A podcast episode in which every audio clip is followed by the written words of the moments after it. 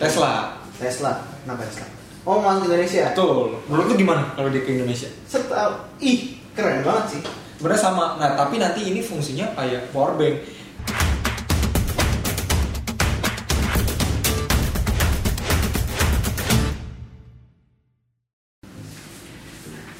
Halo guys, welcome back to our podcast Energy Bar. Balik lagi sama kita. eh, perkenalkan lagi, eh, gue Edwin dan satu lagi teman gue ini namanya Thor. Iya, top, eh, top boleh apa aja. Eh, ya kayak biasa kita mau ngobrol-ngobrol ya, santai aja. Santai aja kita sharing aja sedikit sih. Sharing aja sedikit, nggak usah banyak-banyak. Apa tentang climate change, kehidupan, Dan lain-lain. Sebenarnya lebih eh, berita yang berita sih. yang sedang hangat sih sebenarnya. Itu tentang apa tuh kau boleh tahu? Eh, lu tahu gak sih eh, akhir-akhir ini kira-kira ada berita apa aja sih Ah, di quarter eh, pertama Dewa Kipas pernah berita nggak? boleh Dewa Kipas. Dewa Kipas. Versus Jamie Ren.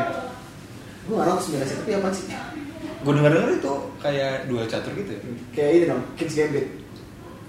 boleh boleh nggak dibahas gitu Gue nggak tahu, gue nggak ada interest sama catur, tapi itu kayak olahraga yang menantang sebenarnya.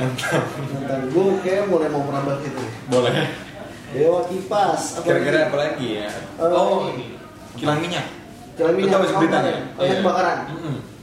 Itu parah sih. Iya, lu pernah lihat berita yang terbaru? Yang Apalagi? Ada orang berita di belakang dia santai aja ngelihat kita biasa aja gitu. Emang? Istilahnya mereka mana? ada videonya. Mereka ya salah seorang ini dia terbiasa kayak oh yaudah biasa aja nih gitu. Ada kebakaran. Oh itu lagi minyak. Iya itu. Astagfirullah. Oke lah. Oke, apa Itu salah satunya. Nge- ini ini. Oh ini berita yang baru let's say berapa bulan sih belakangan Tesla. Tesla. Kenapa Tesla? Oh masuk Indonesia. Betul. Menurut lu gimana kalau dia ke Indonesia? serta ih keren banget sih pertama gue admire nggak admire siapa namanya Eh, Elon Musk yang enggak Hmm. tapi gue lebih, lebih gue sih penyangangan yang mobil listrik segala macam itu sih Hmm. gimana lu punya Tesla di rumah kalau misalkan dulu tuh pernah baca kalau misalnya waktu Tesla misalnya Tesla masuk ke sini Hmm. harga mobil Tesla bisa sama kayak Avanza Wow. ya gue mau masa gue mau Iya. Berarti kok eh, ya oke lanjut. Oke, eh, tapi waktu itu banyak banget gue sering baca dari zaman dia awal katanya pembicaraan, pemerintah kita udah mulai make a move, bla bla bla bla bla. Tapi enaknya kalau nggak salah katanya ke India. Ya bener. Dia mereka ke India dulu. Mungkin Kemungkinan ke India kemungkinan Hmm. karena nggak tahu mereka pengen di sana Hmm. jadi ke kita atau mungkin belum jadi ke kita. Gue nggak tahu. Kita berharap mungkin berapa de- berapa tahun ke depan mungkin ya. Sebenarnya iya nggak perlu Tesla juga sih ya. Mm-mm. Bisa aja kita yang develop, ya misalkan masa anak bangsa gitu. Tapi eh, menurut gua Elon Musk ini sebenarnya dia ngeber, banyak ngeberi dampak sih. Banyak banget contoh aja kayak eh, dia cuma ngomong beberapa nge-tweet Oh eh, iya. ya tentang Iya. Bitcoin Terus naik. langsung naik. Kacau. Terus itu yang pertama, habis itu Bitcoin naik. Terus kedua dia juga ngomong eh, apa namanya Indon, Indo- eh, Tesla akan masuk Indonesia. Itu menurut gua nantinya kalaupun menjadi masuk itu eh, bisa dijadikan eh, berita untuk saham juga. Berita buat saham. Iya. Eh, padahal cuma baru masuk doang ya. Iya, dan itu pasti eh, akan hype banget pada saatnya kalau mereka pun akan masuk gitu. Tapi gue jujur sih pengen aja Tesla masuk.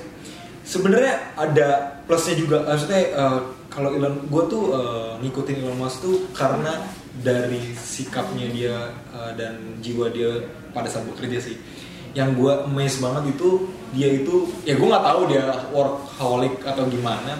Cuma dia rela tidur eh, di kantornya. Ya ya kita tahu lah Tesla pasti kantornya wah banget. Iya sih, dan dia pasti juga penyaman banget kan.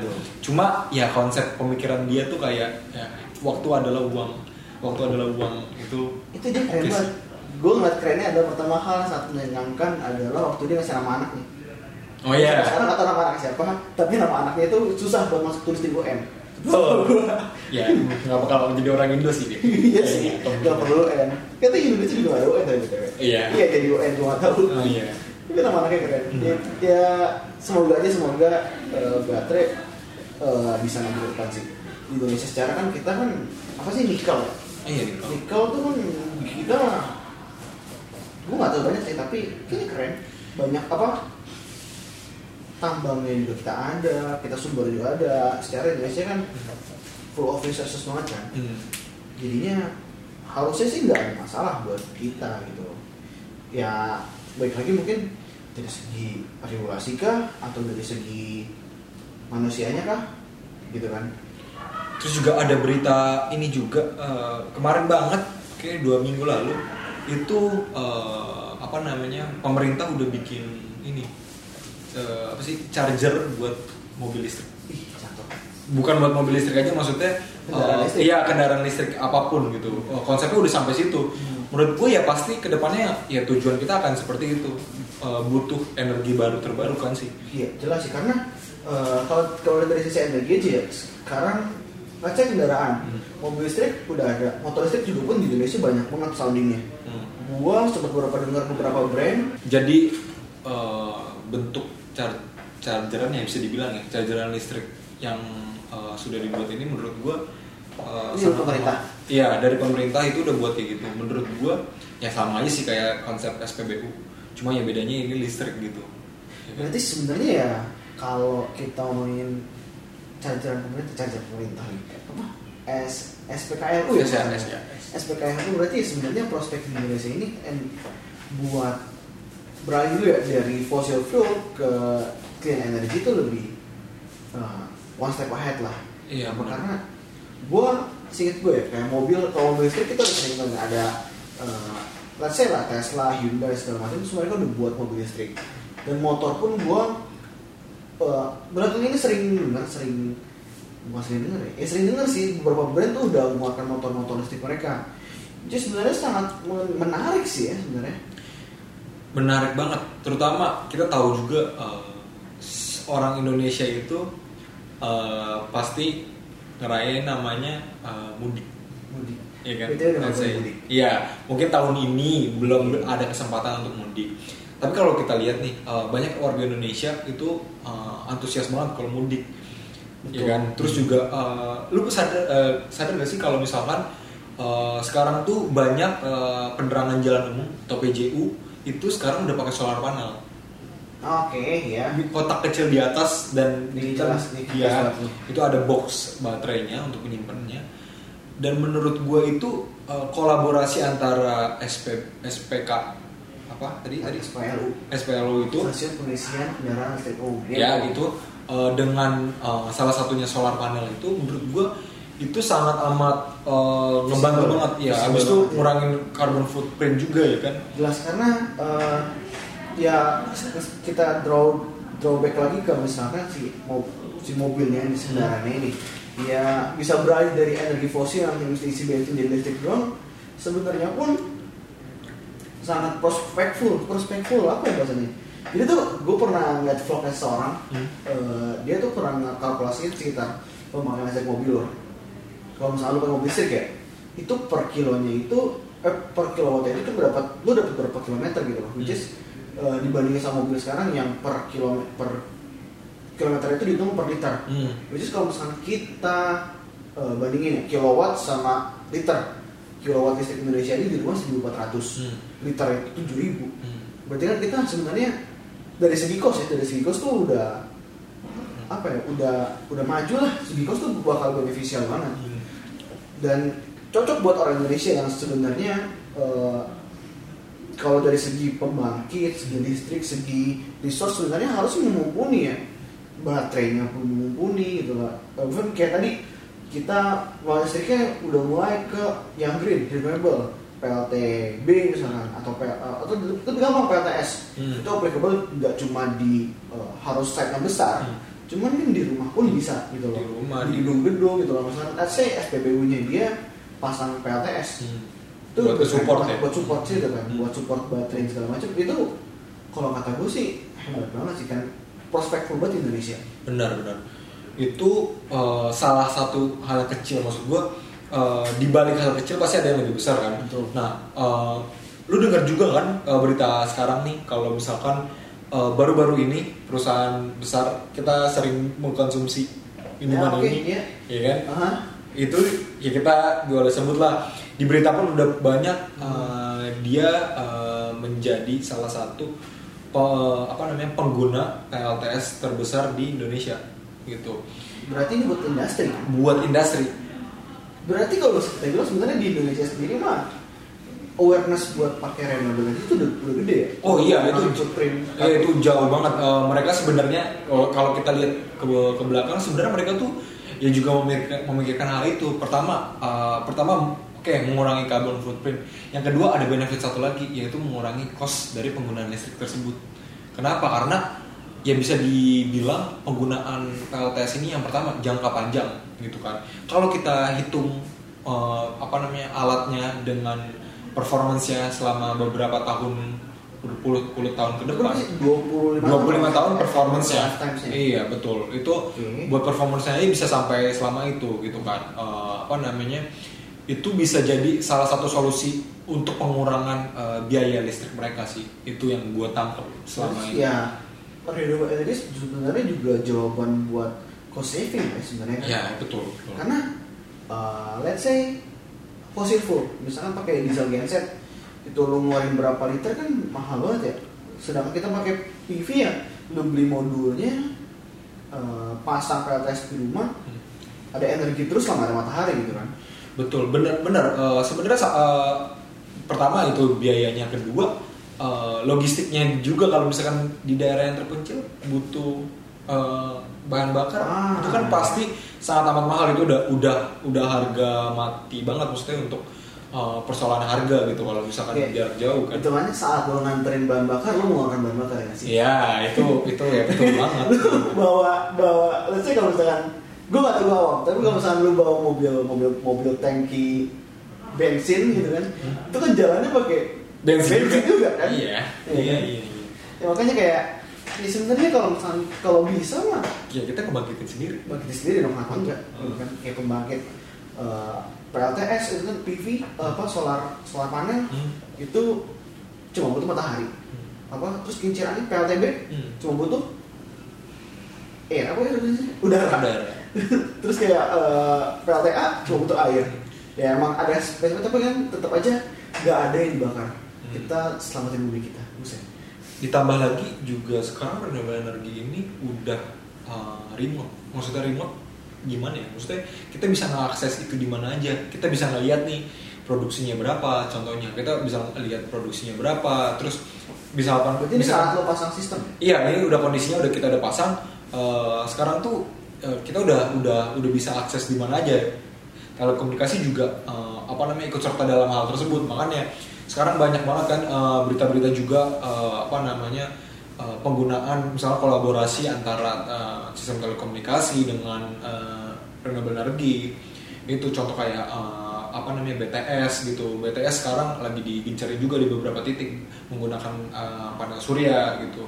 Terus juga sekarang banyak juga industri yang eh, gencar banget nih pakai PLTS gitu. Industri bahkan kayak ada social building kayak rumah sakit ataupun Masjid. Hmm. itu masang gitu kan. Iya, padahal- sebenarnya Hmm. ya balik lagi ya ke awareness masyarakat yang sebenarnya tinggi tapi mungkin belum merata. Betul. Tapi tinggi kita kita banyak lihat eh, banyak lihat di mana-mana Hmm. pabrik udah pada pasang gitu kan yang perkantoran pun juga pasti ada yang masang kan nggak mungkin enggak Eh, kita nilai sendiri banyak ada di kantor beberapa yang udah pakai Hmm. bahkan udah ada gedung-gedung yang apa ya pakai konsep green building bener gak sih Mm-mm. banyak banget kayak gue diceritain sama temen-temen gue yang di luar itu kayak mereka simpelnya dari sampah aja udah dipisahin gitu kan terus konsep green building di luar itu udah ya maju lah kayak kita bisa bisa aja kasih, eh, konsepin di Indonesia kan green building yang di mana energinya eh, lebih pencahayaan lebih prefer ke skylight eh, apa ya kan pencahayaan natural Hmm. listriknya juga pun kita kurang-kurangin dengan listrik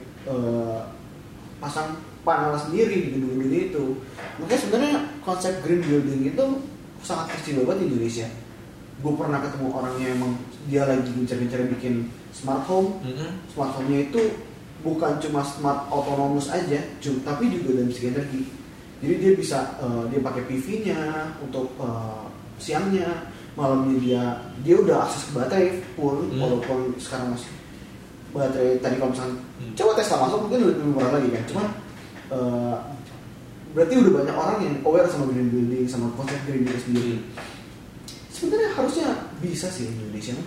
Bisa eh, makanya itu sebenarnya bagi kita penggiat eh, Penggiat. renewable energy Iya, itu iya.